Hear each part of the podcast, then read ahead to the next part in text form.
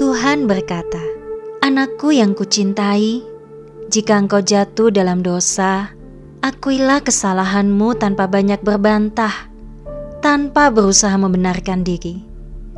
Hanya akuilah kesalahanmu dan bertobatlah. Maka aku akan menyayangi engkau dengan kasih setia dan belas kasihan yang besar." Aku tidak membutuhkan banyak alasan dan pembenaran darimu ketika engkau bersalah. Duduklah dekat padaku dalam keremukan hati dan berjuanglah untuk bangkit kembali. Itulah yang kurindukan. Aku tahu engkau bisa terjatuh lagi, namun engkau telah berjuang dalam aku, dan aku tidak akan mengecewakanmu.